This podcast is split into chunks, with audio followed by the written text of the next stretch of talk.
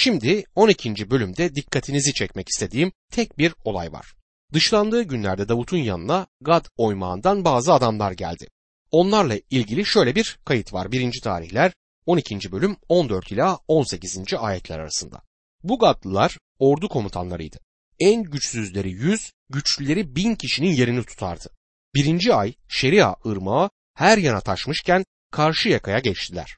Oradaki vadilerde oturanların tümünü doğuya batıya kaçırdılar. Benyamin ve Yahuda oğullarından bazı kişiler de Davut'un yanına saklandığı yere gittiler. Onları karşılamaya çıkan Davut şöyle dedi. Eğer bana yardım etmek için esenlikle geldiyseniz buyurun bize katılın.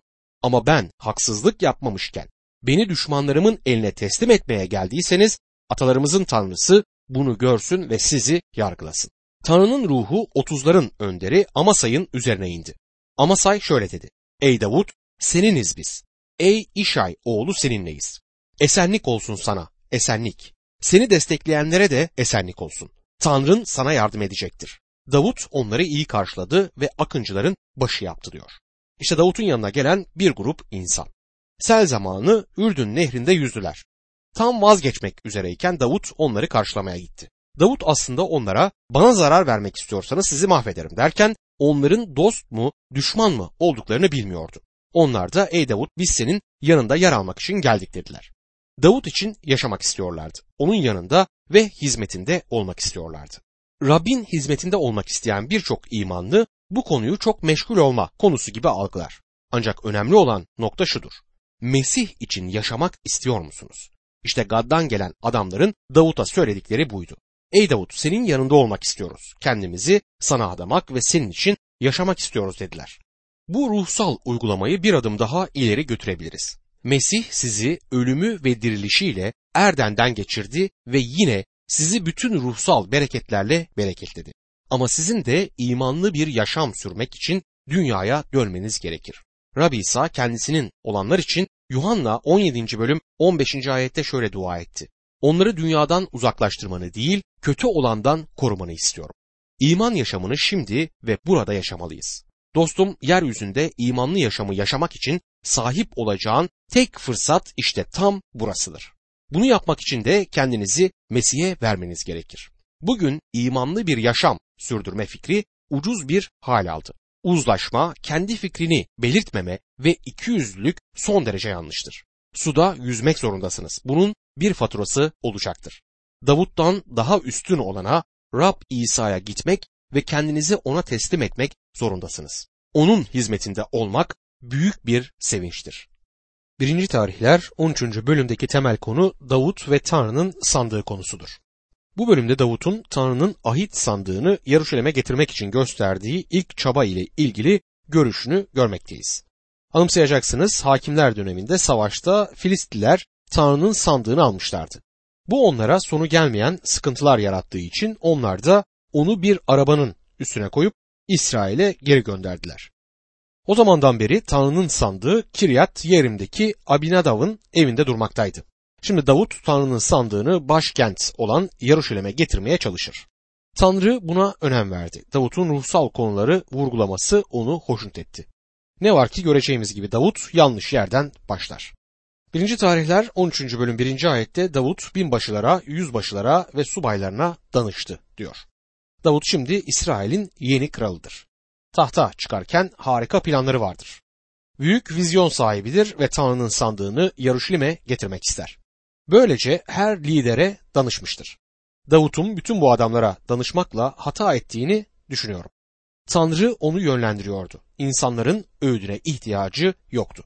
Gördüğüm kadarıyla bugün birçok inanlılar topluluğunda çok kişinin her şeye karışmak istemesi gibi ciddi bir sorun vardır. Yani karar vermek istiyorlar. Özellikle inanlılar topluluğunun vakıf yöneticileri, heyetleri için söylüyorum bunu. Sorun da bu kişilerin birçoğunun karar vermek için yeterli ruhsal donanıma sahip olmamasından kaynaklanıyor. Yanlış kararları çoğu zaman Mesih'in davasını yaralar. Bana öyle geliyor ki Davut bütün bu liderlere danışarak hata etti. Herkesi dinlediği için sıkıntıya düştü. 1. tarihler 13. bölüm 2 ve 3. ayetlerde sonra bütün İsrail topluluğuna şöyle seslendi. Eğer onaylıyorsanız ve Tanrımız Rabbin isteği ise İsrail ülkesinin her yanına yayılmış öbür soydaşlarımıza ve onlarla birlikte kendi kentlerinde ve otlaklarında yaşayan kahinlerle Levillere haberciler gönderelim. Onlar da gelip bize katılsınlar. Tanrımızın sandığını geri getirelim. Çünkü Saul'ün krallığı döneminde ona gereken önemi vermedik. Bu Saul'ün zamanındaki meseleyi dolaylı olarak halletmekti. O zamanlarda tapınakta Tanrı'ya tapınma tamamen ortadan kalktı. Sonuç olarak tüm tapınak organizasyonu çöktü, Leviller dağıldı. Şimdi tüm ülkede Davut'un Tanrı'nın sandığını getirmek istediği sözü yayılır. 1. tarihler 13. bölüm 4. ayette topluluk bu öneriyi benimseyerek sandığı geri getirmeye karar verdi diyor. Kararda hemfikirler. Hepsi Tanrı'nın sandığının Yarışilim'e getirilmesini ister. 1. tarihler 13. bölüm 5. ayette Davut Tanrı'nın antlaşma sandığını Kiryat Yarim'den geri getirmek için Mısır'daki Şihor ırmağından Levo Hamat'a kadar bütün İsraillileri topladı diyor. 1. Samuel 1. bölüm 7. ayette Tanrı'nın sandığının Kiryat Yearim'e götürülüşünün ve orada bırakılışının kaydını okuruz. Çünkü onunla kötü bir deneyim yaşamışlardı. 1. tarihler 13. bölüm 6. ayette böylece Davut'la İsrailliler keruvlar arasında taht kuran Rab Tanrı'nın adıyla anılan Tanrı'nın antlaşma sandığını getirmek için Yahuda'daki Bağla kentine Kiryat Yearim'e gittiler diyor. Tanrı tabii ki sandığın içinde ve de keruvların arasında yaşamıyordu ama orası onun İsrail halkıyla buluşmak için hazırladığı yerdir. Huzuru oradaydı. Şimdi bütün hatalarını yapacaklar. Birinin dediği gibi.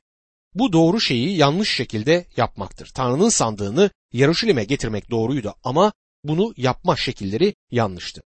1. tarihler 13. bölüm 7. ayette Tanrı'nın sandığını Avinadav'ın evinden alıp yeni bir arabaya koydular. Arabayı Uzza ile Ahyo sürüyordu diyor. Tanrı sandığın taşınması konusunda belirli emirler vermişti. Tapınağın diğer kısımları araba üzerinde taşınabilirdi ama Tanrı'nın sandığı taşınamazdı. Tanrı'nın Musa'ya ne dediğine çölde sayım 4. bölüm 15. ayette dikkat edin. Ordugah başka yere taşınırken Harun'la oğulları kutsal yere ait bütün eşyaları ve takımları örtmeyi bitirdikten sonra Kehat oğulları onları taşımaya gelecekler. Ölmemek için kutsal eşyalara dokunmayacaklar. Buluşma çadırındaki bu eşyaların taşınması Kehat oğullarının sorumluluğu altındadır diyor. Tanrı'nın sandığı asla arabayla taşınmamalıydı. Kehat oğullarının sırtında taşınmalıydı. Neden? Bunun nedeni şudur. Tanrı'nın sandığı Mesih'ten söz eder ve o da bugün bile kişiler tarafından taşınmalıdır. Pek çok kişi bunu kolay yoldan yapmak isteyecektir. Dostum Tanrı'nın sözünü taşımak emek gerektirir. Birçok kişi masraflardan şikayet eder. Ben de masraflardan yana değilim ama Tanrı'nın sözünü yaymanın masraflı olacağını size anlatmak isterim. Onu taşımalıyız. Herkes kendi yükünü omuzlamalıdır. Bu nedenle onu taşıyalım. Galatyalılar 6. bölüm 5. ayette Elçi Paulus herkes kendine düşen yükü taşımalı der. Bunu söylemenin başka bir şekli ise herkesin kendi yükünü omuzlaması gerektiğidir. Bir başka deyişle hepimiz Tanrı'nın sözünü dünyaya taşımak için ki dünyanın ona son derece ihtiyacı vardır, omuzlarımızı tekerlek yapmalıyız. Tanrı müjdeyi gökte yazmıyor. Onun çocukları müjdeyi yaymalıdır. 1. tarihler 13. bölüm 8. ayette ise bu arada Davut'la bütün İsrail halkı da Tanrı'nın önünde lir, çenk, tef, zil ve borazanlar eşliğinde ezgiler okuyarak var güçleriyle bu olayı kutluyorlardı diyor. Davut büyük bir müzisyendi ve bu onun için gerçek bir sevinçti. Ama bunun hepsi çok aniden durdu. 1. tarihler 13. bölüm 9 ve 10. ayetlerde Kidon'un harman yerine vardıklarında öküzler tökezledi. Bu nedenle Uzza elini uzatıp sandığı tuttu. Rab sandığa elini uzatan Uzza'ya öfkelenerek onu yere çaldı. Uzza orada Tanrı'nın önünde öldü. Neden bu olay olmuştu? Çünkü onu yanlış yapıyorlardı. Doğru tanıklık vermiyorlardı. Ama diyebilirsiniz ki bu kesinlikle ciddi bir şeydi. Biri de çıkıp bunu gösterdi. Ancak buna şöyle karşılık verilebilir. Tanrı'nın sandığı araba üzerinde taşınmamalıydı. Ayrıca Tanrı'nın sandığın sabit durması için Uzza'nın yardımına da ihtiyacı yoktu. Bugün Tanrı'nın işine burunlarını sokmamaları gereken yerde burunlarını sokan pek çok insan var. Rabbin işine karışıyorlar. Tanrı'nın istediği şekilde olmasa bile iyi niyetle onlarla ilgili birçok örnek verebilirim. Ama sonuçta bereket olmaz. Tanrı'nın sandığının durumunda olduğu gibi. Karışanlar işten el çektirildiler. 1. tarihler 13. bölüm 11. ayette Davut Rabbin Uzza'yı cezalandırmasına öfkelendi. O günden bu yana oraya Peres Uzza denilir. Peres Uzza, Uzza'nın cezası anlamına gelir. Bugün sizin de eleştirmenlerin de bundan hoşlanmayacağı gibi Davut da bu durumdan hiç hoşnut kalmadı.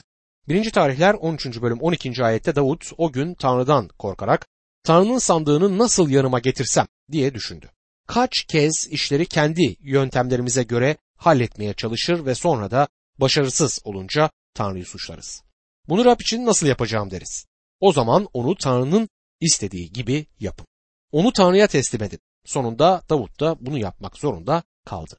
1. tarihler 13. bölüm 13 ve 14. ayetlerde sandığı yanına Davut kentine götüreceğine Gatlı Ovet Edom'un evine götürdü. Tanrı'nın sandığı Gatlı Ovet Edom'un evinde 3 ay kaldı. Rab Ovet Edom'un ailesini ve ona ait her şeyi kutsadı diye yazar. Bu olay da böylece sonuçlanır. Tanrı'nın sandığı şimdi Yarışilim'e getirilmeyecektir. Tanrı sandığın olduğu aileyi bereketler. Ancak Davut da ilgisini başka bir yöne çevirecektir. Birinci tarihler 14. bölümde Kral Davut'un zenginliğini görürüz.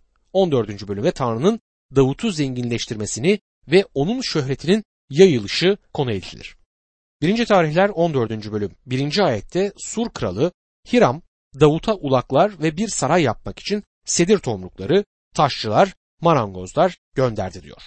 Davut'la Hiram iyi arkadaştılar. Başka bir yerde Hiram'ın Davut'u sevdiğini okuruz. Burada Davut'un krallığının başlangıcında Hiram ona evini, sarayını yapması için yardım etmek ister. 1. tarihler 14. bölüm 2 ve 3. ayetlerde böylece Davut Rabbin kendisini İsrail kralı atadığını ve halkı İsrail'in hatırı için krallığını çok yücelttiğini anladı. Davut Yarışilim'de kendisine daha birçok kara aldı. Bunlardan erkek ve kız çocukları oldu diyor. Şimdi belki de Tanrı buna izin verdi diyorsunuzdur. Evet Tanrı çok eşlere Davut'un birçok kadın almasına izin verdi ama Tanrı bunu onaylamadı. Aslında bu Tanrı'nın onu yargılamasına neden olacak ve ona yaşamı boyunca acılar getirecektir. Bu kesinlikle yanlıştır. Bu kayıt bize Tanrı'nın bunu onayladığını göstermek için verilmez. Ama Tanrı bizim olup biteni olduğu gibi öğrenmemizi ister. Bu tarihi bir kayıttır ve bunu okurken Tanrı'nın tutumunu keşfedeceğiz. Bir keresinde Davut'un dışlandığı dönemde Filistliler onun kendi adamları olduğunu sanmışlardı 1. Samuel 27. bölümde. Şimdi kendi halkına döndüğü ve onların kralı olarak taç giydiği için onu yakalamaya çalışırlar. 1. tarihler 14. bölüm 9 ila 12. ayetler arasında Filistliler gelip Refaim vadisinden baskın yapmışlardı. Davut Tanrı'ya danıştı. Filistlilere saldırayım mı? Onları elime teslim edecek misin? Rab saldır dedi. Onları eline teslim edeceğim. Bunun üzerine Davut'la adamları Baal Perasim'e gittiler. Davut orada Filistlileri bozguna uğrattı. Sonra her şeyi yarıp geçen sular gibi Tanrı düşmanlarımı benim elimle yarıp geçti dedi. Bundan ötürü oraya Baal Perasim adı verildi. Filistliler putlarını orada bıraktılar. Davut'un buyruğu uyarınca putlar yakıldı. Bu Davut'un Filistlere karşı kazandığı büyük bir zaferdi ve İsrail onlara karşı çok fazla zafer kazanmamıştı. 1. tarihler 14. bölüm 13 ve 14. ayetlerde Filistliler bir kez daha gelip vadiye baskın yaptılar. Davut yine Tanrı'ya danıştı. Tanrı şöyle karşılık verdi. Buradan saldırma, onları arkadan çevirip pelesenk ağaçlarının önünden saldır. Davut işte Filistliler bize karşı savaşmak için yine geri geldiler diyor. Daha önce zafer kazandım. Şimdi yine onlarla savaşacağım diyebilirdi. Hayır, öyle yapmadı. Tanrı'ya danıştı ve Tanrı da ona böyle yapmamasını söyledi. Davut'a geri çekilmesini ve Filistlileri dut ağaçlarına doğru çekmesini söyler. Davut orada avantajlı bir durumda olacaktı. Aslında Rabbi deneyen birçok imanlı vardır. Ona güvenmeyip onu denerler. Bir çeşit işe ya da antlaşmaya girerler ya da bir şey yapmaya kalkışırlar. Deyim yerinde ise çiğneyemeyecekleri kadar büyük bir lokmayı ağızlarına atarlar. Bir başka deyişle altından kalkamayacakları bir işe kalkışırlar. Bunu da Rabbe güvendikleri için yaptıklarını iddia ederler. Öyleyse Rabbim bunu onlara yapmasını söylediğine nasıl karar verirler? Dostum Tanrı sizden ve benden kutsanmış, sağduyuyu kullanmamızı bekler. İmanla hareket ettiklerini ki onların iman sandıkları şey varsayımdır söyleyen insanlar tanıyorum. Buna Rabbe güvenmek diyorlar ama aslında yaptıkları Rabbin onlara yapmalarını asla belirtmediği şeylerdir. Tanrı bizim kutsanmış sağduyuyu kullanmamızı ve de onun yönlendirmesini beklememizi ister. İman denen her şey aslında iman değildir. Bu şekilde imanı mahveden insanlar gördüm. Bir gün hizmet ettiğim topluluğa bir hanım geldi. Bir iman iyileştiricisine gideceğini söyledi. Ben de ona gitmemesini önerdim. Bir doktora gitmesi gerektiğini söyledim. Bayan bana yanlış düşünüyorsunuz dedi. Tanrı beni iyileştirecek. Benim bu iman iyileştiricisine gitmem doğru değildir diyorsunuz ama ben gidiyorum ve iyileşeceğim dedi. Gitti ve iyileşmedi.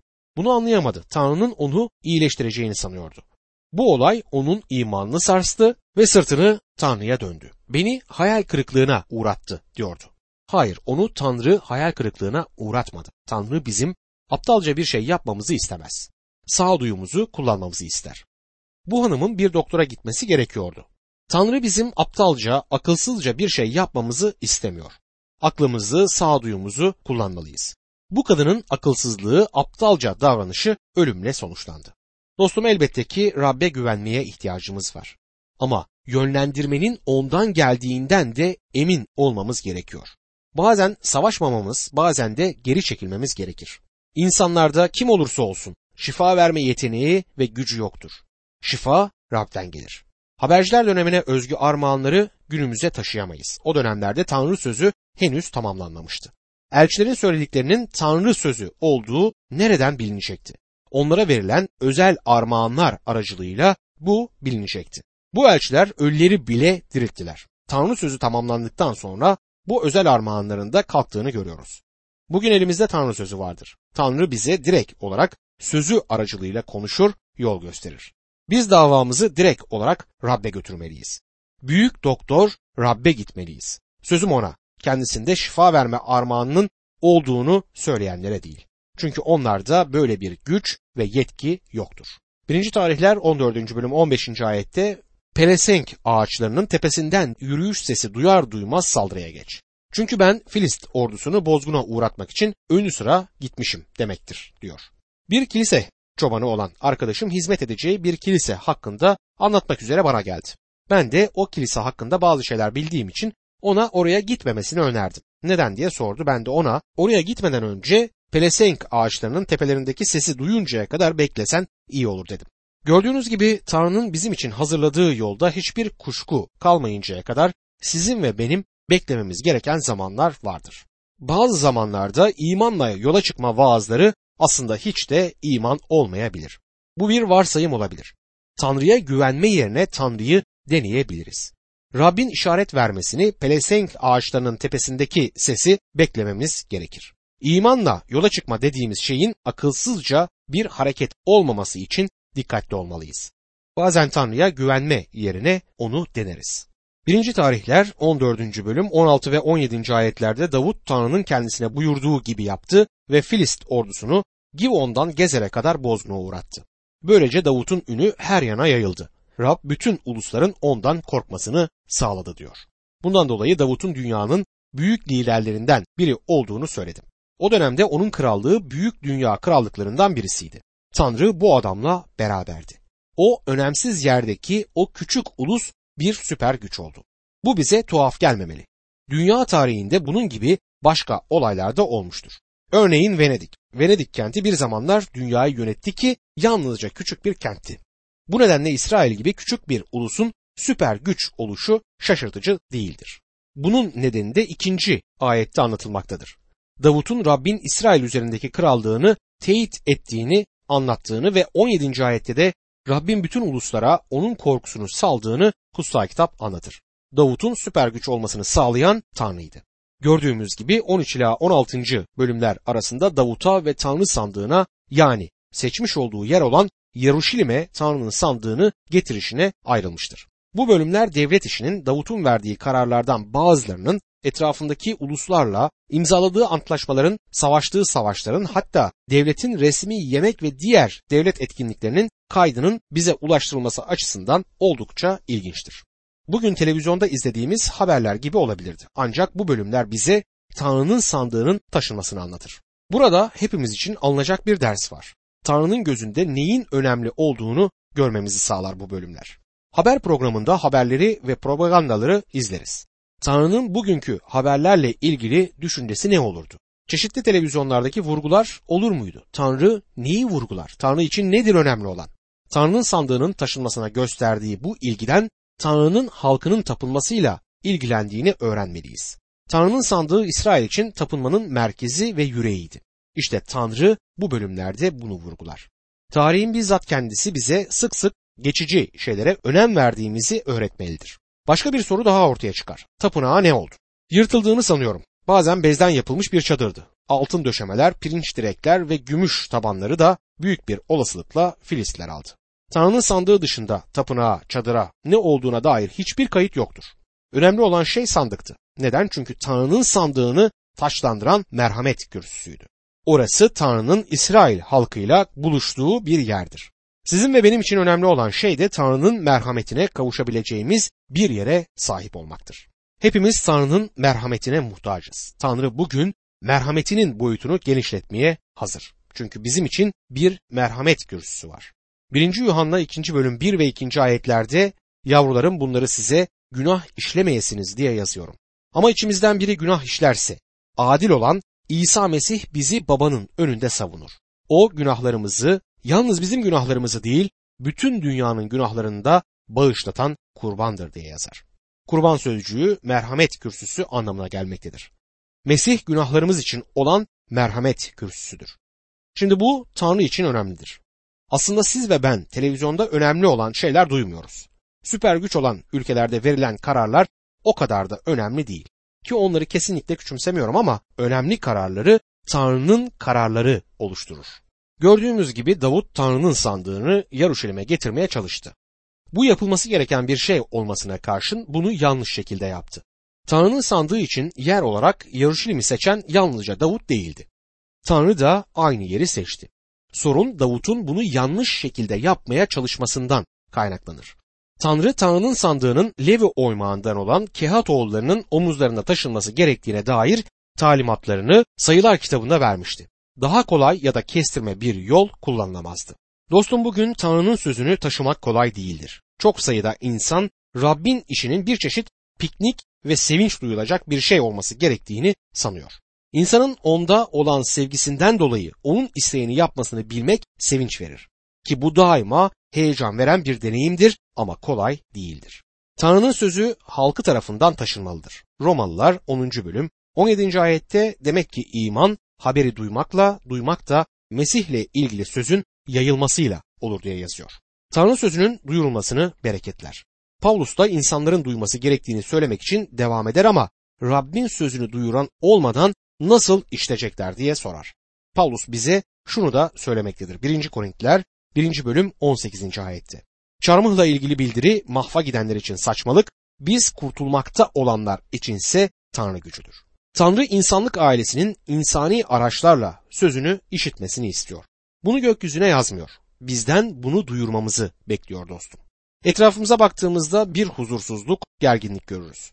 Kilise Tanrı'nın sözünden ayrıldıktan sonra herhangi bir kurum gibi karışıklık içerisindedir.